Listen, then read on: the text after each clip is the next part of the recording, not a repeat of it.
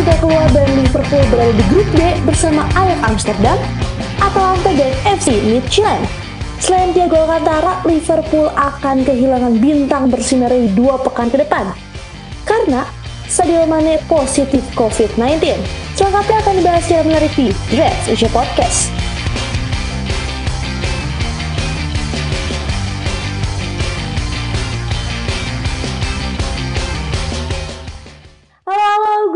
Balik lagi tentunya di Dreads Asia Podcast episode 14. Nggak kerasa aja udah 14 episode nih, Dreads Indonesia menemani para pendengar semua. Halo semuanya, sapa lu dong pendengar setia Tri yang selalu menunggu di tiap pekannya. Sapa dulu Halo. dong orang-orang. Halo guys. What's up? What's up yo? What's up, yo? Halo semua sobat-sobat The Reds Indonesia. Welcome back. Wah. It's ya boy. Oke, eh, kemarin tepat tanggal 1 Oktober, drawing UCL berlangsung dan semua grup UCL dan WL sudah diisi nih. Liverpool ada di grup D, bareng semifinalis, UCL 2018-2019, Ajax Amsterdam, terus bareng Atalanta yang UCL musim lalu masuk sampai perempat final, sama FC Midtjylland yang sudah bergelut di babak kualifikasi dengan terakhir mereka tandang tanding melawan kalau nggak salah Slavia Praha menang hmm, skornya 4-1. Nah, sebelum bahas tentang Liverpool lebih dalam di UCL musim ini, mari kita bahas tentang kekuatan dan kelemahan tim-tim yang akan melawan Liverpool. Tah, menurut lo, hasil yang akan Liverpool dapatkan ketika main melawan Ajax akan seperti apa sih? Gue berharap main lawan mereka bakal ini sih, bakal hujan gol. Walaupun sebagai fans Liverpool pasti nggak mau dong kita kehujanan banyak gol, tapi gue sebagai fans apa penggemar sepak bola gitu kan, ngelihat Liverpool yang kalau ngelawan tim lain itu kenanya defensif defensif mulu. Gue berharap di grup ini bakal ada hu- hujan gol sih.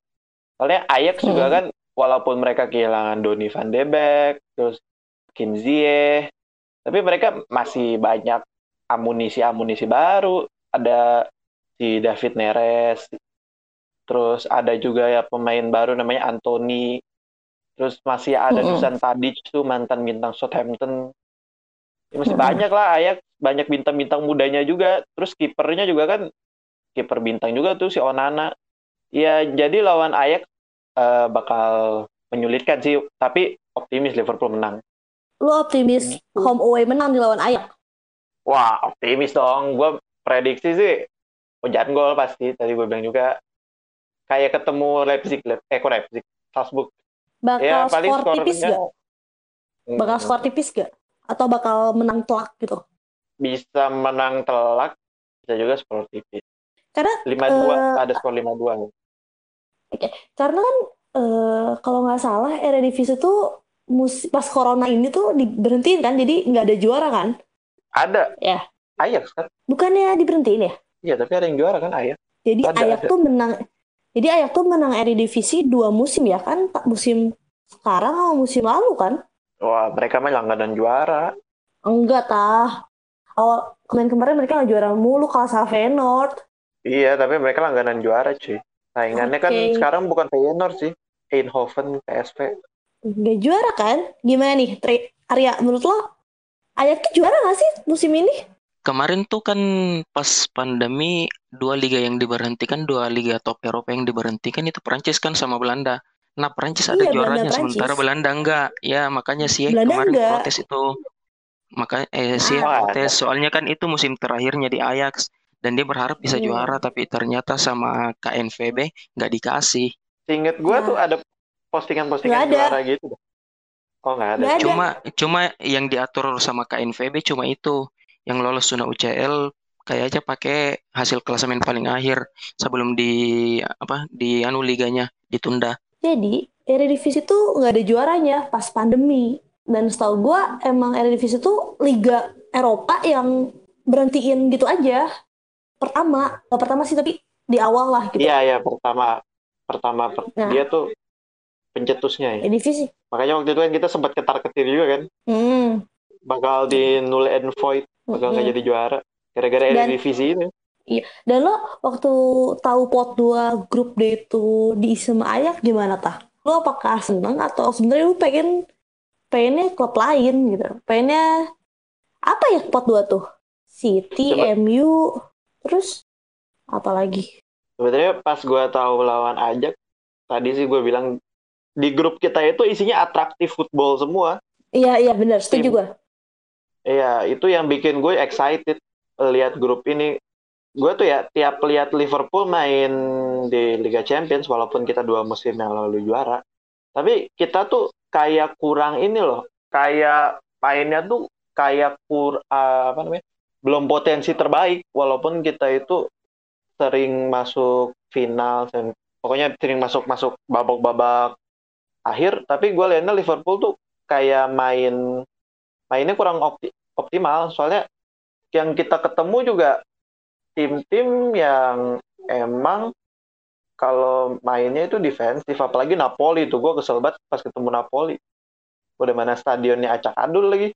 Dan ya pokoknya Ayak itu sekarang ketika podcast ini take ya Ayak tuh kalau nggak salah di posisi 2 di klasemen Eredivisie. Tapi itu tiga match tiga kemenangan 9 poin uh, mereka dapetin gitu loh. Jadi pentingnya melawan Ayak tidak susah cuma akan sedikit ada hambatan-hambatan yang sebenarnya menurut gue Liverpool bisa menang lah menang mudah gitu ibaratnya. Oke okay. selain bahas Ayak dan di pot 3 Liverpool itu uh, bakal main lawan Atlanta baik yang bilang kalau misal Liverpool versus Atlanta akan hujan gol. Karena seperti yang kalian semua tahu Atlanta adalah klub yang kebobolan banyak, tapi ngegolinnya juga banyak juga. Contoh nih, misal dia kebobolan 3 gol. Ya, tapi dia ngegolin 4 gol. Dan itu sering terjadi di Serie A. Nah, gue bakal nanya nih ke Arya. Ya, apakah akan ada hujan gol kalau Liverpool menghadapi Atlanta? Gimana ya? Pas nonton drawing kemarin itu Liverpool di pot 3 dapat Atalanta itu emang jadi perhatian gue banget sih. Pas nonton drawing kemarin itu Liverpool di pot 3 dapat Atalanta itu emang jadi perhatian gue banget sih. Soalnya Atalanta kan mainin sepak bola menyerang emang nggak ada defense defense-nya sama sekali. Ada sih tapi ya nggak bagus-bagus amat. Di Italia pun di Serie A mereka main hasilnya kayak skor futsal gitu 7-2, 5-3 dan lain-lain sebagainya. Jadi menurut gue kalau lawan Liverpool kayaknya asik deh ini Atalanta sama-sama nyerang. Cuma kelebihan Liverpool ya itu lebih bagus dalam bertahan. Malah gue kepikiran mungkin lawan Liverpool skornya bisa 7-3, 9-5 tuh skor-skor lain ya yang mirip-mirip skor futsal. Karena emang sih gue ngerasa kalau pertandingan Atalanta sama Liverpool ini nggak bakalan di bawah 4 gol setiap pertandingannya di dua pertandingan entah di Italia sama di Anfield. Cuma yang jadi perhatian juga kan musim lalu Atalanta pas UCL dia main di San Siro. Terus nggak ada keluhan sih soal itu. Tapi musim ini dia kembali ke stadionnya. Apa sih nama stadionnya? Asuri Stadium gitu. Itu kan Liverpool dua musim lalu main di Napoli kan San Paolo. Dua kali bertandang ke sana emang vibes-nya buruk soalnya kualitas lapangannya kurang bagus. Nah itu juga yang dikhawatirkan buat lawan Atalanta musim ini. Kalau rumputnya kurang bagus kayak San Paolo bakalan ribet juga Mm-mm. permainannya. Tapi kalau bagus sih kayak San Siro bakalan aman-aman aja. Terus ada perhatian juga nih. Kemarin Giampiero Gasperini pelatih Atalanta bilang kalau Ilicic, Ilicic sudah kembali. Kan Ilicic salah satu pemain sentral tuh musim lalu. Cuma dia harus leave karena ada masalah keluarganya. Nah, Ilicic ini kemarin cetak banyak banget gol sama asis walaupun dia posisinya ya lumayan di depan tapi bukan di tengah. Soalnya kan yang di tengah Dufan Zapata. Kembalinya Ilicic ini apalagi kalau dia top perform kayaknya emang bakalan bikin Liverpool versus Atalanta hujan gol. Di atas 4 bahkan di atas 5 di dua pertandingan itu. Itu sih. Jadi eh, menurut lo apakah nanti eh, kan kalau misalnya tadi Fata bilang kalau misalnya lawan Ayak tuh pesim eh pesimis sorry. Optimis nih kalau bakal menang. Lo optimis juga nggak bakal menang lawan Atalanta? soal optimis ya jelas optimis lah. Malah gue yakin Liverpool bisa dapat 18 poin sempurna di fase grup. Atau bahkan mungkin cuma 5 kemenangan tapi satu seri-serinya tuh lawan Atalanta. Mungkin skornya 3 sama atau 4 sama gitu. Tapi kalau di Anfield kayaknya bisa deh menang. Atalanta mungkin nyetak satu atau dua gol tapi Liverpool nyetak 4 atau 5 kalau Atalanta mainnya terbuka ya. Skor-skor gitu nggak nggak mungkin apa skor-skor gitu mungkin aja bisa diwujudkan. Karena jujur ya gue pun sebenarnya pengen banget Atlanta sama Liverpool satu grup gitu. Karena mereka tuh kan uh, mainnya terbuka banget gitu. Jadi gue pengen tahu lah gue pengen lihat hujan gol gitu. Kayak wah seru juga nih kalau misalnya Atlanta tapi gue takut ya ketika nanti lawan Atlanta, Atlanta tidak menunjukkan Atlanta yang sebenarnya. Lo takut gitu juga nggak ya? Iya itu juga jadi kekhawatiran sih. Tapi sejauh ini sih, eh Giampiero Gasperi ini pelatih Atalanta tuh gak peduli lawan apa, tetap aja dia nyerang. Mereka lawan Valencia away berapa sih skornya itu? Banyak deh, seingatku yang di mana Ilicic sampai kuatrik kan lawan Valencia itu terus mereka di quarter final UCL tahun lalu ketemu PSG nggak ada bertahan-bertahannya sama sekali. Cuma yang mungkin penting bagi Atalanta adalah jangan sampai Alejandro Papu Gomez cedera. Karena pusat permainannya ada di dia. Selain di dua wingbacknya Robin apa Robin Gosen sama yang satunya lagi lupa. Pusat permainannya itu paling penting ada di Papu Gomez. Dan jangan sampai dia cedera soal, soalnya kalau mungkin Gomez cedera itu permainan Atalanta, permainan menyerang mereka bakalan diturunin kadarnya kayak lawan PSG kemarin. Salah satu kesalahan Giampiero Gasperini adalah dia narik Gomez sampai akhirnya mereka dipaksa main bertahan dan kena comeback di lima menit terakhir lawan PSG. Ya intinya tetap aja kita optimis lawan Atalanta menang cuma kayaknya menangnya rame nih kayaknya. Main nyerang nyerang. Boleh gue tambahin nggak? Kenapa tuh? Jadi Liverpool ini kan balik lagi tadi Arya ngomong pas ketemu PSG mereka dipaksa bertahan kan. Uh, emang Atlanta ini tim yang nggak boleh bertahan. Justru kalau mereka bertahan malah mereka jadi jelek mainnya. Jadi Liverpool harus maksa apa Atlanta buat jadi bertahan. Kalau sama-sama menyerang, kalau sama-sama menyerang seru. Tapi Liverpool kalau mau menang harus maksa Atlanta bertahan. Terus Oke, okay. apa lagi ya? Gue ya? yakin Liverpool versus Atalanta bakal menyuguhkan buat seluruh penggemar sepak bola di dunia itu pertandingan sepak bola menyerang yang sesungguhnya. Wah, amin. Dan ini Liverpool bakal ke Italia dulu ya lawan Atalanta ya, baru di Anfield. Iya, away dulu. Away dulu. Ya, Oke okay deh, semoga hasil yang memuaskan bisa melawan Atalanta dengan mudah meskipun ya kita lihat apakah Atalanta bisa menyulitkan Liverpool dan di pot 4, grup D, ada yang namanya FC Midtjylland.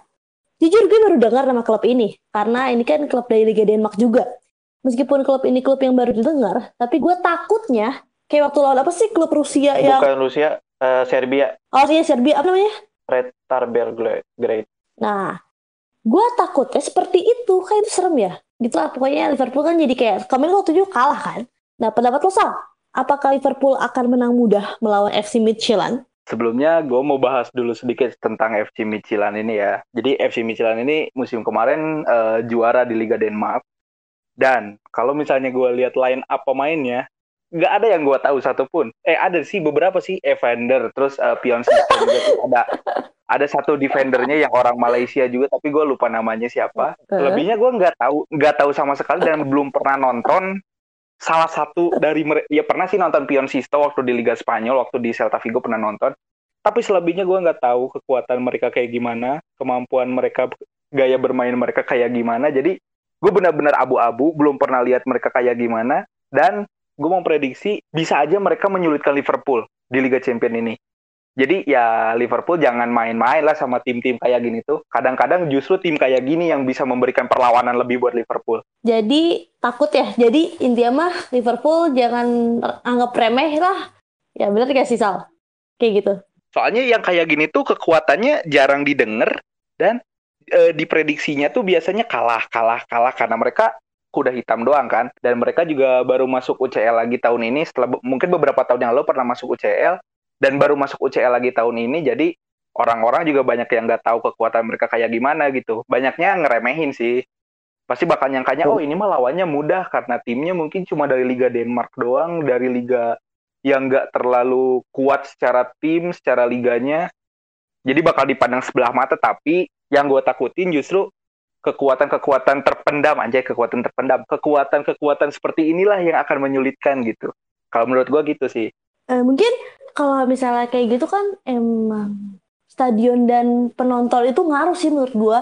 Karena waktu itu Liverpool datang ke Serbia itu karena mungkin atmosfer dari uh, para pendukung si siapa namanya? Gue lupa ke itu aja klub itu. Belgrade. Nah mungkin kalau misalnya nah itu. Mungkin kalau misalnya sekarang karena nggak ada penonton kayaknya itu bakal dianggap lebih mudah sih. Karena penonton itu kan salah satu itu salah satu hal yang termasuk ke dalam hasil akhir ya, menurut gue maksudnya supporter pun ya supporter memang energi yang lebih ya buat suatu tim tapi kita juga nggak bisa ngeremehin tim-tim kayak gini sih meskipun dalam kondisi pandemi kayak gini dan nggak ada penonton. Mungkin kalau kita away ke sana juga nggak ada penontonnya di stadionnya tapi gue tetap uh, apa ya ngerasa takut aja gitu ngelihat tim-tim kayak gini tuh. Karena biasanya mereka yang suka ngasih kejutan. Tapi mau bandingin dikit nih ya sama Red Star Belgrade gitu. Emang Red Star Belgrade itu mereka udah tim legenda cuy legendanya itu udah di udah di supporter jadi sem, semua tim yang datang ke stadionnya mereka namanya apa sih itu? Stadionnya itu emang serem bener-bener serem. Gue aja waktu pas nonton mereka main itu gue ngerasa serem gitu. Mental gue aja sebagai penonton itu merasa tertekan. Apalagi pemain sih. Waktu pas kita ke Belgrade itu emang emang apa namanya sebuah definisi stadion yang serem itu ada di Belgrade sementara kalau kita bandingin sama si si Michelin gitu Michelin ini kan klub yang baru berdiri gitu. Uh, berdirinya tahun 1999 kan. Mereka belum punya sejarah gitu gue lihat. Jadi nggak bisa kita bandingin sih sama Red Star, eh, Red Star Belgrade ini. Tapi kalau misalnya kekuatan tersembunyi tadi Isa ngomong iya bener ini. Kekuatan tersembunyi. Dan juga di sub di Liga Denmark sebenarnya Michelin ini bukan klub terbaik sih ada juga lebih terbaik lagi mm -hmm. bro. Copenhagen masih ada kan? Ya Copenhagen ada Brøndby juga, North Zealand uh, juga kedua dulu dulu itu. Iya. Tapi Karena, emang Restar uh, tim gede sih. Dia pernah kan juara UCL. Wah iya Restar ini tim legenda banget buat diketahui lupa ada juga ini ini Marco Grujic juga awalnya dari sana kan? Iya iya cuma kan Iya Marco Grujic. Eh mau gak mau harus naruh apa namanya perhatian ke tim-tim seperti itu. Soalnya dua musim lalu pas segrup sama Red Star kan kalah pas away. Terus kemarin Salzburg juga nggak terprediksi tahunya mereka nyusahin di Anfield. Dari 3-0 mereka balikin 3 Pas kita ketemu ini juga kan? Pas kita ketemu geng juga pas kita iya. main ke kandang mereka Berapa cuma menang 2-1 doang kan? Iya 2-1 iya, doang yang offset nyetak gol itu. Makanya nggak boleh disepelein tim-tim kayak gini Betul. Justru kekuatan-kekuatan yang tim-tim kayak gini tuh biasanya bakal lebih keluar ketika ngelawan tim-tim gede. Kayak misalnya uh, ketemu tim calon juara kayak Liverpool gitu. Justru tim-tim kecil kayak gini bakal menunjukkan bahwa mereka eksistensi mereka itu ada, menunjukkan kekuatan asli mereka itu ada gitu. Cuma tim mereka nating tulus lah gitu. Mereka ya. nating tulus. Mereka meskipun mau, mau mengharap apaan? Meskipun gak lolos ke babak selanjutnya juga, tapi memberikan perlawanan yang setara lah gitu, seenggaknya gitu. Meskipun ya tapi peluang sen, mereka lolos emang kecil sih. Tapi gue berharap Liverpool bisa ngukir sejarah lagi kayak waktu lawan Basic Besiktas kan tahun 2008 sampai 8 kosong atau 8 kosong. 2017 2018 kita lawan Mari, kan? Maribor menang 7 kosong atau Spartak juga berapa sih? 7-0 apa 7-1 Lokomotif apa Spartak sih? Lokomotif kan? Eh Lokomotif Lokomotif Moskow. Iya, tujuh itu gila sih kalau Liverpool mainin dengan pressing yang versi fullnya yang se versi Buffon.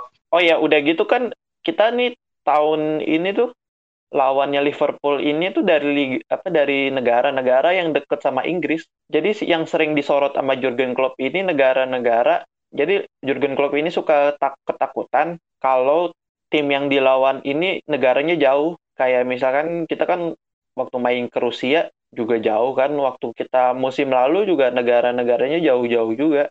Sebenarnya eh, tahun ini itu klubnya negaranya deket-deket semua sama Inggris. Jadi pasti ada tenaga lebih nggak kecapean jet nggak kecapean jet lag. Pasti performanya lebih bagus sih. Iya sih pasti bakal capek, capek capek di jalan juga. Iya itu capek di jalan. itu yang sering jalan iya yang sering diomongin sama Jurgen Klopp ini capek di jalannya itu belum jet lag juga kan. Tapi di luar yeah. poin yang udah kita bahas tadi, satu poin yang bikin ngeselin dari Inggris sendiri ya, karena mereka belum ngebolehin supporter masuk. Sementara Italia kayaknya udah ngebolehin deh untuk pemegang yang tiket musiman. Jerman apalagi udah bisa dia eh 30 persen Iya 30 persen.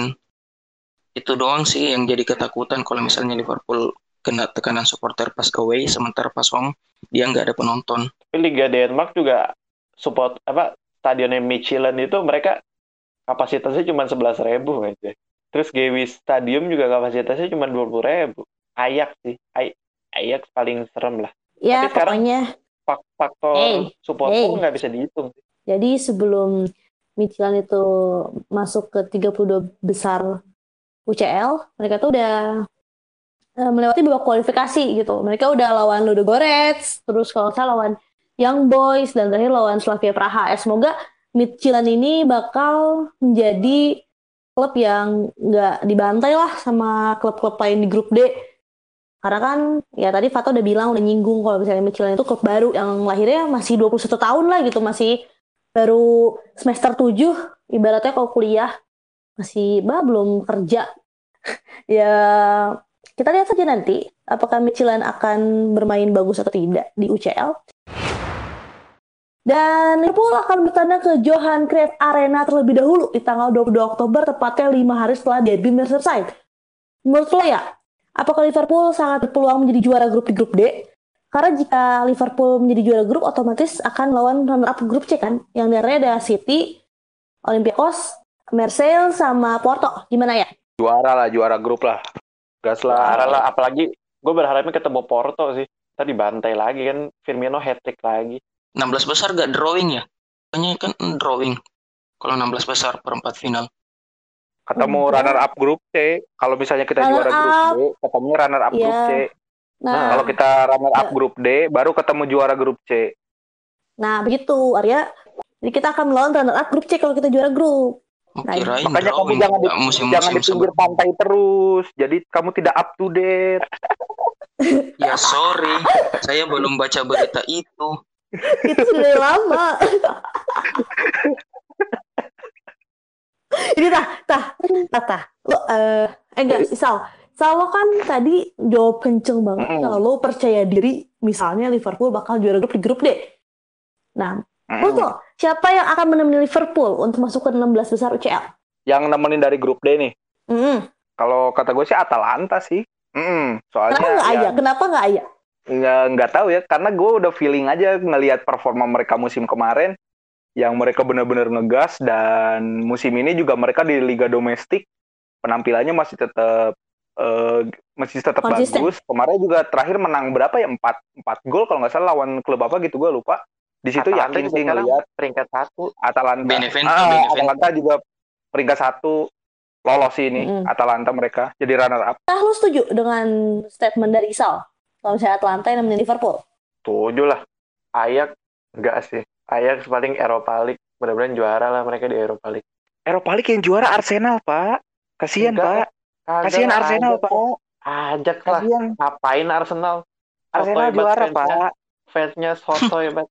Arsenal Kagak. juara nanti lihat Menang Gue ketemu suka Liverpool tapi kayak gak juara. gue suka Arteta tapi gak suka kalau si Justin bacot Ya, dari Tuhan nih. jadi Liverpool sama Atlanta ya di grup D buat 16 besar UCL. Dan dipastikan Liverpool akan memainkan gelandang terayarnya Thiago Alcantara ketika first match UCL yang dia kayaknya udah dipastikan sembuh sih dari COVID-19 gitu buat nanti lawan Ajax. Tapi ini kalau misalnya bahas tentang COVID, Liverpool tuh nggak cuma ada satu pemain yang COVID minggu ini, nggak cuma Thiago Alcantara doang. Tapi yang terbaru ada kabar kalau Sadio Mane resmi terkena virus COVID-19. Bukan virus corona maksudnya. Musim ini tuh klub akan kehilangan pemain andalannya begitu saja. Bukan karena cedera, bukan karena international break, tapi karena COVID.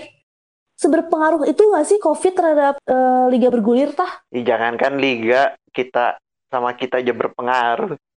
Buktinya masih at home semua ini pada bu nyari su- nyari kerja susah loh bu tahu.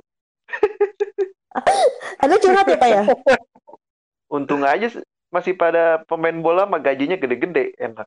Tapi, tapi beda sih kalau sama pemain bola di negara kita. Jauh, tah jauh. Pada makan ini nih, makan di snapgram lagi. Makan Siapa? gorengan. Siapa Adalah pemain? itu. klub. Ya jangan sebut merek dong. Oke, oh iya, tolong beli kikat ya. Wah ini ntar kita dihujat aja. Woi, se- Eh. selamatin Fata, woi ntar dia dipukul. Mampus lo tah. Tahu. Tolong Diki cut ya tadi. Awas Diki kalau nggak di-cut. Jadi tuh COVID tuh berpengaruh. Tadi Fata bilang kalau misalnya COVID nggak berpengaruh sama liga. Eh, nggak berpengaruh cuma sama liga. Atau mbak, kehidupan kita doang. Kehidupan kita juga sama berpengaruh gitu. presiden sama presiden aja berpengaruh itu Donald Trump Iya. Iya. Seorang Donald Trump loh Dan- yang dijaga demikian berupa udah gitu menyalonin presiden lagi kena Ya jangan karena Trump tah teman kita aja udah lulus belum dapat kerja gara-gara COVID. oh, iya. Bener gak? malah jualan tek-tek anjing Jangan lupa beli tek-tekin. Orang Bandung beli tek-tek ya. Orang Bandung beli tek-tekin. Ada nanti Instagramnya di ini description. efek corona nih efek Iya. corona nih Tolong kasihan nih teman kita efek corona tidak dapat dapat kerja. Tolong beli tek-tekin dot sal Ma- makanya apa ya? Makanya yang masih kagak pakai masker yang masih ngumpul ngumpul ngumpul kagak social distancing udah ribut aja dah ribut ini Daripada tidak pakai masker, lebih baik Anda jajan di tek-tekin. Oke. Tahu ya, Orang Bandung, orang Bandung. Cool banget. Ini apa sih podcast? Makanya eh, kayak gini, tek ya. eh, gini gini. Lo bukan fans Liverpool kalau lu nggak beli tek-tekin, bener gak? Sumpah gue nggak minta di endorse anjir ini. Ya tapi nggak apa-apa sih kalau dapat promosi gratis sih bersyukur banget. Kok, kok jadi bisa bahas tahu tek tek si ini? Oke oke. Oke Eh, selesai endorse-nya. Eh tunggu. Eh, eh, endorse udah beres. Soalnya udah dibayar sama sponsor. Eh kalau ada sponsor kirim dong ke sini. Oke kita butuh sponsor. Tolong dong. Yang denger podcast Let's Indo kalau misalnya mau kita promoin boleh banget nih oke karena emang sekarang pasti ada satu dan klub yang pemainnya ada ada yang covid gitu malah West Ham pelatihnya yang covid si David Moyes. Dalam hal ini otomatis klub harus punya stok pemain yang banyak dong dalam mengantisipasi si covid ini. Hmm, sepakat sih. Kalau misalnya COVID eh bakalan jadi salah satu penghalang, bakalan jadi satu salah satu kendala bagi tim. Soalnya di luar cedera ataupun akumulasi kartu yang bisa bikin pemain itu kena apa berhalangan tampil, COVID juga bisa bikin pemain berhalangan tampil bahkan seminggu sampai dua minggu gitu. Cuma bersyukurnya sekarang adalah karena sepak bola bisa dilanjutin walaupun ada pemain yang kena COVID kan pas pandemi kemarin, pas lockdown kemarin itu nggak bisa sama sekali kan bahkan kalau satu pun yang kena walaupun cuma staff tapi dia nggak pernah berinteraksi sama pemain itu nggak bakalan dilangsungkan pertandingannya tapi sekarang udah ada penyesuaian. Dan menurut gue dalam kondisi seperti ini sebuah klub tuh harus bikin kedalaman tim yang bagus. Soalnya nggak bisa diprediksi kan pemain mana yang kena covid. Dan apa namanya pemain yang jadi skuad lapis itu juga harus punya kualitas yang bagus. Soalnya dia bisa gantiin pemain yang berhalangan tampil karena covid itu.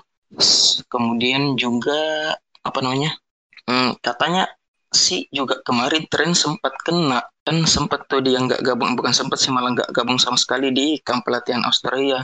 Dan nggak ada kabar nggak ada apa-apaan. Dia tiba-tiba sembuh katanya dari cedera dan langsung gabung timnas Inggris. Kan nggak normal. Tapi itu sih cuma rumor nggak pernah dikonfirmasi sama tim Liverpool. Cuma yang Origi juga kan? Origi. Ya Origi sih kan dikonfirmasi cuma tapi sebenarnya abu-abu juga. Soalnya Liverpool cuma bilang satu orang anggota tim kena COVID itu bisa jadi tren bisa jadi Origi terus eh apa namanya cuma Simikas Hmm, cuma ya demikas. Terus cuma ini timingnya Thiago sama Mane kena COVID. Ini gua mau bersyukur apa enggak sih sebenarnya cuma agak bagus menurut gua timingnya jelang international break gitu. Ini jadinya mereka nggak gabung timnas karena kan dia mainin dua pertandingan tuh bakalan padat. Sem- Sementara kalau misalnya kena bukan apa kan dia kena COVID jadinya mereka nggak gabung timnas. Jadi kalau misalnya mereka cepat recovery-nya empat lima hari doang gitu misal kayak Adama mereka bisa bergabung dengan Liverpool latihan lebih cepat dan nggak bergabung ke timnas itu doang sih Lagian gini deh, pemain cedera sama international break aja, klub tuh kadang udah kelimpungan, terus ditambah COVID lagi. Dan COVID itu nggak sebentar ya, ada sih yang sebentar, tapi sih yang sebentar cuma berapa hari. Guys, ada ama empat hari ada apa empat hari kata dokter Tuh. Tirta juga kan pemain bola makin lebih cepat kan pokoknya iya. sport di bala doang emang yang lembek enam minggu covid sebulan apa gimana Eh, sih Chris. lama banget Krisno juga kan Cristiano iya tapi dia isolasi di pulau Jadi tuh pemain Oh, iya, ada- Liverpool yang udah kena COVID siapa aja sih guys? pemain Liverpool yang udah covid Eh, Thiago, Origi. Mane, Simikas, Origi, Origi. terus Simikas. Ada juga, tapi ada cuma rumor. Ada staff. Oh iya staff juga. Waktu pas Origi keinfeksi itu, jadi beritanya itu dua dua dua orang anggota tim kena. Satu pemain, satu staff. Satu Origi, satu satu lagi nggak tahu. Oh iya, gue juga ada info nih buat lupa ada eh, apa namanya regulasinya itu. Kalau misalkan yang nauzubillah gitu ya, yang kena COVID banyak banget gitu.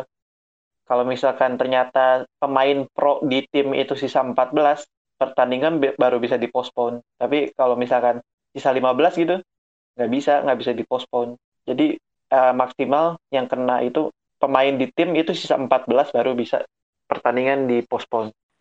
Ini kan eh, Mane bakal absen dua minggu ke depan, maksimal ya.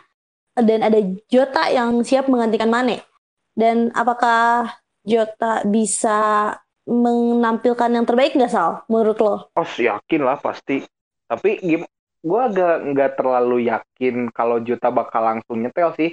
Kemarin dia ngegolin kan maksudnya lawan tim apa namanya dia lawan apa sih kemarin ngegolin gue lupa. Itu tim semenjana itu. Iya lawan tim semenjana kan maksudnya nggak Lincoln, bukan lawan Lincoln kan? ya bukan lawan tim besar bukan kan tim lawan tim semenjana. besar iya bukan lawan tim besar kan kalau misalnya Mane masih cedera dan Jota main di liga melawan tim-tim besar kan Arsenal bukan tim besar kan lawan tim-tim besar di liga gitu. Gue belum terlalu yakin dia bakal langsung nyetel sih. Tapi mungkin akan menunjukkan performa yang bagus tapi tidak akan sebagus waktu dia di Wolverhampton. Belum, belum, belum sebagus. ya belum sebagus waktu dia di Wolverhampton. Masih butuh waktu adaptasi sih buat pindah gaya bermain dari dulu bareng Nuno Espirito sama sekarang di Jurgen Klopp kan beda. Sedangkan di sini dia lebih banyak jadi rotasi kan lebih banyak jadi pelapis role-nya juga beda di sana di sana dia jadi kayak model apa ya kadang-kadang dia suka bi- bikin gol sebagai ujung tombak kalau di sini dia Mm-mm. lebih banyak harus bekerja sebagai kreator juga Jota itu sih bagus kemarin pas lawan Arsenal walaupun cuma 10 menit lumayan dapat 3 peluang. Pas lawan Arsenal yang di Carabao juga dia salah satu yang menonjol penampilannya cuma sayang aja carriernya Milner. Kalau Robo kayaknya dia bagus deh. Di kiri sama Robo kan di sayap kiri. Jota juga lumayan Tapi- lah dia dia ambil pedal kaki kiri kaki kanan hidup semua. Ini ini sih kesempatan dalam kesempitan. Iya nggak sih? Iya. Sadio Mane cedera eh cedera lagi lihat Sadio Mane lagi di karantina gitu bisa jadi kesempatan juga buat Jota lebih nyetelnya lebih cepet terus juga Alcantara juga eh, apa namanya positif kan bisa juga kesempatan buat yang lain Curtis Jones lebih menunjukkan lagi terus juga Nabi Keita lebih nyetel lagi mainnya. Jadi kesem- kesempatan dalam kesempitan itulah. Di atau Wijnaldum yang mau dijual juga bisa menunjukkan diri supaya lebih baik. Uh, supaya Bisa naikin lebih cepat harganya. laku. Iya bisa Iya. biar cepat laku juga sebelum kontraknya habis. Tiba-tiba Koman datang penawaran 70 juta gitu kan buat Wijnaldum. Nah, langsung kita beli Robert Snodgrass sama Anthony Pilkington Amin dah, amin. Tapi semoga pemain Liverpool yang tidak terkena COVID. anjing Iya. diaminin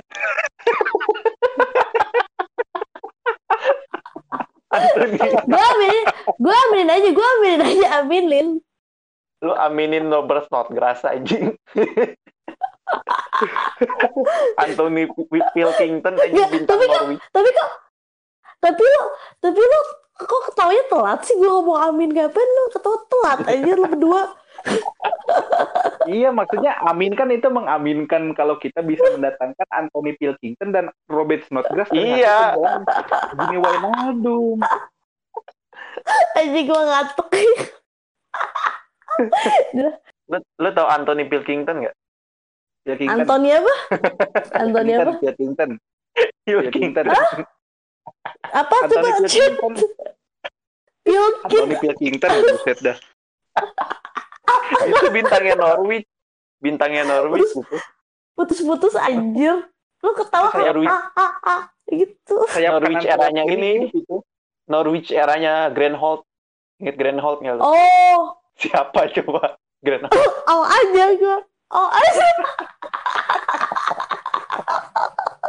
Udah udah udah malam Kipernya masih. John Rudy aja.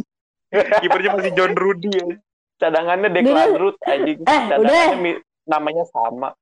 Eh, eh udah Arya kemalaman kasihan nih. Ya udah Arya Oh ya, kemalaman be- be- besok masih ini masih ke pantai ya. Udah. Pantai mulu. eh, aku aku aku pengen senam di pantai dong. Eh, aku gak di warung. Ya udah. Temen gue ngomong, temen gue ngomong. Aduh ya Allah. Udah, aku gak di warung. Aku mau lanjut aja. Apa tuh kan lupa ngomong apa? Ini Anthony Pilkington. Udah, Jadi udah, udah. pada akhirnya Udah, udah, tak. Ih, Kasihan juga yang edit. Tah, tapi ya teh, ini beda sama yang kemarin. Tah. Kemarin tuh nggak jelas anjing. Kita Nggak, ada yang tahu. Tahu ada Nggak yang yang tahu PHP soalnya. bahan aja. Ada yang PHP soalnya. Oh, udah. iya ada Skip. yang PHP. Hi. Udah, skip lah. Jadi cowok PHP el. Hi, PHP hi. Ya, semoga pemain Liverpool tidak ada yang terkena COVID lagi karena ribet juga sih kalau misal pemain lapis duanya nggak bisa mengimbangi yang COVID. Apalagi kalau yang COVID misalnya pemain lapis satu gitu. Dan tentunya semoga kita selalu sehat. Semoga ya Allah jangan siapa yang covid jangan Virgil, soalnya nggak ada yang bisa gantiin. Nah, bener. Jangan ya Allah, jangan. Dan tentunya semoga kita selalu sehat dan dijauhkan dari virus berbahaya ini. Amin. Semua kalian juga. Sebelum closingan, gue mau bahas sedikit banget tentang Brewster yang resmi dibeli Sheffield United dengan mahar 2,5 juta pounds dengan klausul buyback. Kok Ada 2,5 yang mengatakan- murah banget. 2,5 juta kan? 2,5 juta, Mak. Dua tiga ko- dua dua dua tiga 23 dua tiga juta. ko- dua tiga koma lima. Ya lu ngomongnya 2,5 juta. eh. Oh iya, gue gue dua puluh lima juta ya gue lupa tuh anjir. Aduh, ah. Gue lagi-lagi ya Allah. murah. Sebelum closingan, gue mau bahas dengan klausul buyback. Ada yang mengatakan Brewster bagus tapi nggak cocok dengan gaya permainan Jurgen Klopp. Apakah benar begitu, Fatah? Cocok lebih ini sih lebih gue liatnya lebih kayak sama Klopp gitu sama pelatihnya Sheffield juga si Chris Wilder. Ini lebih ke perkembangannya Brewster sih. Terus juga Liverpool udah banyak opsi. Terus juga kita nggak sekarang ini nggak terlalu butuh striker model Brewster yang kerjaannya di depan doang, lebih butuh model Jota, Minamino, Firmino. Ya lebih, leb- apa ini juga bagus buat Brewsternya sih. Kan terus juga kita ada klausul buy, buyback kan. Jadi di klausul buybacknya ini ibaratnya kita itu minjemin si Brewster ke Sheffield tiga tahun dibalikin dengan syarat dia kalau mainnya bagus dan Klopp juga mau. Bagus buat Brewster ini. bohong itu, bohong, bohong. Klopp tuh sebenarnya kesel gara-gara Brewster gagal penalti lawan Arsenal, jadi langsung dibuang aja. Harry Wilson Hashtag gimana? Brewster out. Hashtag Brewster out. Harry Wilson gimana gue tanya itu? Wilson. Hashtag Wilson out lah. Yang gagal penalti kita suruh out aja. Callum Wilson. Origi, Origi, out juga nggak? Ring. Oh, pokoknya yang gagal penalti kita langsung keluarin aja hashtag pemain siapa pun itu kita kasih hashtag out. No Tapi excuse. kalau yang gagal, eh kalau yang gagal itu Van Dijk gimana? Ya Kenapa? Van Dijk out. Van Dijk out. Oh enggak, enggak bisa. Kalau Van Dijk enggak Oh, bisa Van out. Dijk out. dia, soalnya dia Oh, pemain utama. Kalau yang lain Oh. out aja. out aja. Kalau. Eh, eh eh kalau misalnya Origi nggak bisa oh, nih misalnya nih kalau Origi nggak bisa cetak penalti terus bilang Origi oh tapi kalau Origi nggak bisa cetak penalti tapi beli tek tekin out juga nggak sal anjing tek-tekin lagi. Nyambung lagi sama mi tek tek. Emang udah cocok ini mah. tapi tapi kita kalau bahas lagi Brewster ya eh, apakah Brewster bakal bersinar di Sheffield United mengingat striker Sheffield tuh kayaknya pada bapuk ya ya sal ya Striker Sheffield tuh mandul-mandul banyak banyak sebenarnya striker Sheffield tuh McBurney, McGoldrick, ada Lis Mosset juga. Tapi Tapi tipenya yang sama-sama semua. Yang Tipenya bener. striker Sheffield sama semua. Apa striker-striker model-model origi gitu anjing semuanya. Yang Yang sering lari dari. Sheffield kan itu siapa? Lundstrom, terus Egan, Baldock. Masih ada Billy Sharp nggak sih? Legend. Billy Sharp udah eh ma- kayaknya masih ada deh. Tuh empat berarti tambah Brewster jadi lima strikernya. Tapi bapuk semua anjing. Lagian juga apa namanya? strateginya si Wilder udah nggak terlalu berjalan kayak musim lalu. Defensifnya itu juga nggak sebagus musim lalu kan. Iya Emang makanya kayaknya dia mau coba strategi baru. Mereka datengin striker yang lumayan cepat kan kayak Brewster. tapi kayaknya eh, Sheffield lagi mau datengin darah baru dah. Darah muda. Ada si Ampadu juga kan. Tapi Brewster nggak bisa penalti.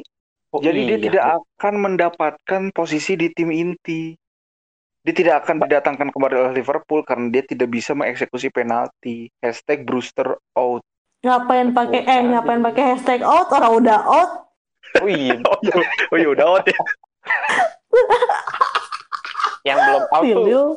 Harry Wilson. Ya nanti nanti kita bakal up lagi hashtag Kita Wilson out di twitternya Dreads Indo. Pokoknya pantengin aja twitternya Dreads Indo yang dipenuhi dengan tweet-tweet yang mengundang amarah anda anda semuanya. Dan Origi out juga tentu saja. Oke. Ya, Origi out ya. Ya, ntar ya kita semoga Brewster apa? kita bantu promosi Harry Wilson gitu ke klub-klub lain. Oke. Jangan lupa pakai hashtag Harry Wilson out. Pakai hashtag out atau anda bukan pengikut Dreads Indo. Van Dijk out. Kalian harus memilih pemain yang gagal sebagai untuk dikeluarkan dari tim atau Anda dianggap tidak mengikuti The Reds Indonesia. Eh berarti Ronaldo out dong. Ronaldo, Messi out kan sering gagal Iya. penalti. ya? Pokoknya kalau ada yang jelek walaupun mainnya cuma 5 menit out. Eh Adrian pernah nyetak gol penalti loh. Berarti Adrian bagus dong. Adrian tidak boleh out. Hashtag Adrian stay. Adrian Kalau cuma boleh itu, out eh. pas dia lawan Atletico. Sekarang udah nggak Eh boleh kalau out. Eh kalau misalnya kalau misalnya pemain bulu tangkis di Liverpool out juga jangan. uh, Minimano stay. Minimano Waktu- pemain bagus, tapi Minimal kalau dia gagal pemain- penalti, dia out. Minamino sama Minamino. ini ya. Firmino. Firmino. Firmino, Minamino, Firmino, Sama Van Dijk. Van Dijk pakai C. Van Dijk. Iya. Pokoknya karena kalau itu- misalnya kamu mau menilai sebuah pemain, seorang pemain bagus atau tidaknya, nilailah saat dia mengeksekusi penalti. Kalau eksekusi Betul. penaltinya gagal, itu berarti dia pemain jelek, itu harus out. Kalau dia bisa eksekusi penalti, dia Oke. pemain bagus. Berarti Messi Oke. pemain jelek. Iya, Messi Artinya pemain jelek. seorang pemain bernama Bruno Fernandes gak akan pernah out. Oh, Karena Jorginho. dia pemain pula. bagus. Dia jago penalti. Oke, oke, oke, dadah. Pokoknya eh, podcast kali ini endingnya tuh kalau misalnya pemain Anda tidak bisa mencetak gol penalti, maka otomatis pemain itu akan out. Setuju? Setuju. Setuju banget. Indikator Oke. kesuksesan pemain hebat adalah Penalti. Penalti. Oke, siap. Kecuali Messi. Oke, Kecuali Messi. siap. Eh, gak ada kecuali, gak ada pengecualian, tolong. Saya suka suasana Oh Oke. iya. Berarti Pak Oke, Adrian pemain terhebat dunia itu. Adrian. Ya Kalian udah, harus pokoknya- lihat kompilasi penaltinya waktu di West Ham. Jago dia. Hmm, ya udah. Pokoknya pemain Anda kalau nggak bisa penalti otomatis akan out. Dan sekian podcast episode kali ini. Semoga Liverpool main bagus di UCL biar bisa angkat trofi si kuping besar kembali. Ya walaupun masih fase grup sih masih ah, masih ecek-ecek gitu masih di grup. Dan semoga pemain Liverpool ada yang terhindar dari COVID begitu pan begitupun kita semua. Jangan sampai lah ke kita kena covid gitu. Kalau bisa keluar rumah pakai masker bawa sanitizer jangan pegangan tangan jangan bucin dulu. Nggak boleh ya guys. Lagi corona di rumah aja. Pantengin terus Dread Indonesia di line Twitter IG dan tentunya subscribe YouTube Dread Indonesia karena bakal ada Redscape News yang bakal tayang setiap minggunya untuk menemani perjalanan berita Liverpool selama seminggu ke depan. Eh sorry seminggu ke belakang. Tetap jaga kesehatan. Jangan lupa sholat ya guys. Dah